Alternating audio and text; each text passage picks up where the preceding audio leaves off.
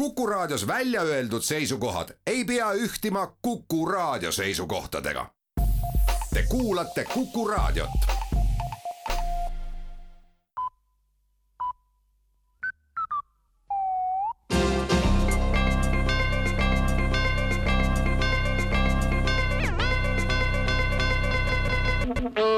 tere kuulama uudiseid stuudios Rohke Debelak. Tallinna linnavalitsus annab teada, et Tallinn kui Euroopa rohepealinn kaks tuhat kakskümmend kolm on alguse saanud ja aja arenedes lisandub hulgaliselt sündmusi rohepealinna projekti investeeringud on mahukad ja toovad linnaelanikele ja külalistele arvukalt sündmusi, üritusi, pidusid, vaatemänge ja palju muud meelelahutust, et tülikas rohepealinna aasta oleks võimalik nii linnakodanikel kui linnajuhtidel võimalikult valutult üle elada. Tallinn on pikaajaliste juhtimistraditsioonidega linn ja üks aastat rohepealinna võtmes tegutsemist ei suuda linna elu lõpuni halvata. ebamugavusi on, kuid eripalgelised ja rõõmsad sündmused toovad vajalikku vaatemängu, et keeruline aeg unustada normaalsesse ellu naaseb linn uuesti aastal kaks tuhat kakskümmend neli, teatab linnavalitsus.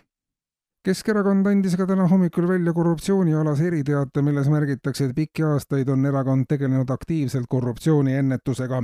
erakonna juhtmõtte kohaselt on alati püütud korruptsiooni ennetada ja Keskerakond ongi alati enne teisi korruptiivse teo ise korda saatnud, säästes nii teisi erakondi sellest pahest pea alati on õnnestunud korruptiivselt tegutseda ammu enne seda, kui kellelgi teisel üldse selline idee või võimalus tekkis ja vaid harva on mõni teine erakond veel kiirem olnud ja ise ennetanud. enamikul erakondadest on selliseid võite ette näidata, kuid need on lühikesed sähvatused. peamise töö korruptsiooni ennetamises on teinud Keskerakond ja valijad võivad selles osas ka tulevikus Keskerakonna peale kindlad olla, märgitakse teate lõpetuseks valitsusega annab teada, et teaduse arendamine ja selleks tegevuseks parimate võimaluste loomine on endiselt valitsuse üks peamisi prioriteete. teadusele on omane tegeleda probleemide lahendamise ja uute võimaluste leidmisega. eelarvest üha suuremate summade eraldamine teadusele oleks aga tähendanud, et suur hulk probleeme kaob iseenesest ära ja teadlased muutuvad laisemaks see toob kaasa kogu teaduse kidumise. praegu on valitsusel kindel siht järk-järgult teaduse rahastamist tegelikult vähendada ja jälgida,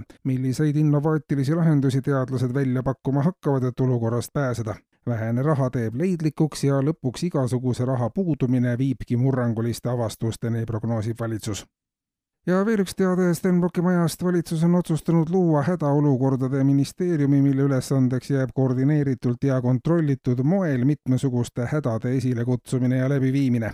märkimisväärne hulk riigi elanikkonnast on valitsuse hoiatustele tuginedes end hädade puhuks ette valmistanud, ostnud tatart, mähkmeid, tualettpaberit, küünlaid, generaatoreid ja kui neid siis nüüd pikemas perspektiivis ikka vaja ei lähe, võib tekkida protestimeeleolu. kulutused on tehtud, aga häda ei ole ega tule tõenäoliselt valitakse välja üks kindel päev nädalas, mis nimetatakse näguripäevaks ja siis ei ole ei elektrit, vett ega internetti ja kõik saavad oma varusid kasutada, märgitakse arengukavas.